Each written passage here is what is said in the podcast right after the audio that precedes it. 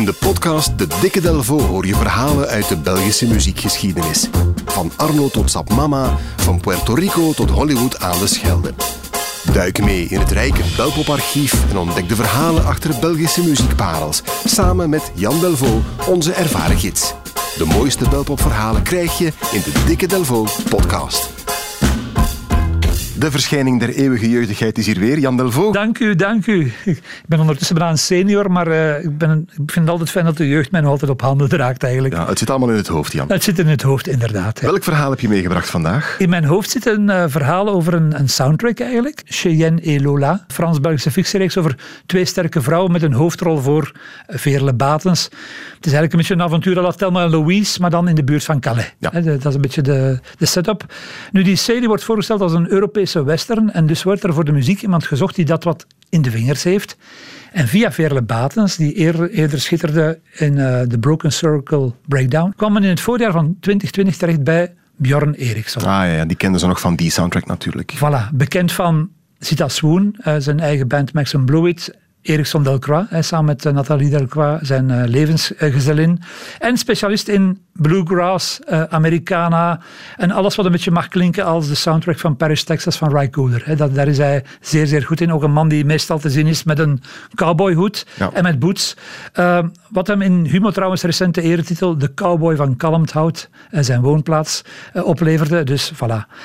Ideale man eigenlijk. Nu, Americana blijkt te beperkt te zijn qua muzikaal palet voor de muziek bij die serie voor uh, Bjorn. Hij voelt dat hij een orkest nodig heeft. Dus wat doet hij? Hij schaft zich een symfonisch orkest aan. Dat kan je tegenwoordig gewoon op een USB-stick uh, heeft kopen. Hij heeft een plugin gedownload eigenlijk. Ja, kan je zeggen? Een plugin, de, hoe zou je dat uitleggen? Een plugin is eigenlijk een, een... Ja, dat is iets wat je in je computer kunt uh, gebruiken voilà. om uh, bijvoorbeeld een orkest ja. te laten klinken ineens. Hè? Voilà, ja. voilà. Dus ja, voor hem gaat dan de speelgoedkamer gaat open. En na het werk voor Cheyenne Elola, dus na zijn uren eigenlijk, begint hij met die, met die plugin te spelen. Ja, en dan is er de lockdown en dan wordt het nog virtueler, want dan kon hij niet meer met live muzikanten spelen. Dus hij had daar zo'n soort van virtueel uh, orkest, waaruit hij een, een eigen weird jazz combo Met, met, met virtuele versies van de muzikanten waarmee hij normaal speelt. Nu, na de eerste versoepelingen had hij er wel een paar van hen weer live bij, maar alles bedenkt hij aanvankelijk uh, puur ja, in, in zijn studiootje, hè, helemaal uh, op zichzelf. Dat is eigenlijk zo de, denk ik de ultieme droom voor een uh, muzikant. Binnen de Corsica heeft hij ook een pak muziek bij elkaar. Instrumentale muziek die is beïnvloed door al zijn muzikale helden. Daar is de jazzmuzikanten tussen als een Django Reinhardt hè, of een Duke Ellington. Daar zit ook een fantastisch bij als Raymond Scott. Raymond Scott is een man die geweldige platen heeft gemaakt voor kindjes. Zo van, van 0 tot 6 maanden, waarmee die dan zouden uh, rustig worden. Ja. En dan had je natuurlijk ook de, de, de componist van de betere filmmuziek. Mensen als Nino Rota en Ennio Morricone. Ah ja, als we in de western zitten, dan moet dat natuurlijk. Voilà, voilà, voilà. Uh, het is dus, ja, het is eigenlijk, de muziek die hij gemaakt heeft, is muziek die nog een film of een serie moet vinden. Die is eigenlijk puur imaginair eigenlijk. Hij, zelf, hij denkt zelf aan een, een, een Oost-Europees zigeuner-epos. Of zoiets van Jacques Tati, die, die weirde Franse uh, filmmaker. Of iets persoonlijks over een destructieve muzikant uit Kalmthout bijvoorbeeld. Ja. Nu, als je Kalmthout letterlijk in het Engels vertaalt, dan wordt dat...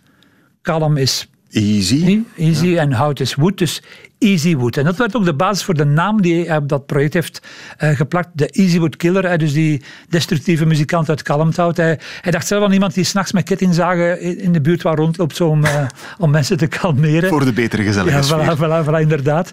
En die verzameling muziek is beschikbaar gesteld voor de liefhebbers via uh, moderne wegen zoals Bandcamp of oh, Spotify. Maar ook via crowdfunding heeft hij ook geld gevonden om daar een vinyl van te maken.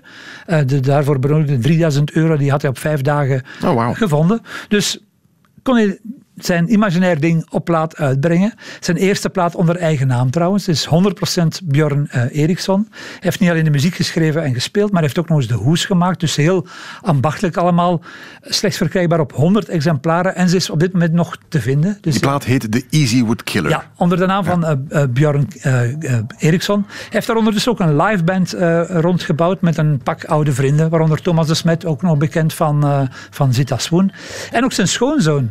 Zijn schoonzoon is Sander Smeets van de Calico's. Ah, de winnaars van, eh, ja, vond ik wel grappig. Ja, hij is heel eh, jong vader geworden. Dus hij is, ik denk dat Björn nu 45 is. Dus hij speelt nu met zijn schoonzoon samen. En hij speelt ook vaak met zijn vader Karel Eriksson samen. Dus die kunnen echt met drie generaties een band vormen. Wat denk ik op dit moment nog altijd wel uniek is eh, in de Belgische muziekgeschiedenis. Ja, voilà. maar, maar wat we nu horen heeft hij gewoon zelf gemaakt. 100% Bjorn. Bjorn Eriksson uit The Easywood Killer. Jan Delvaux, bedankt. Hè.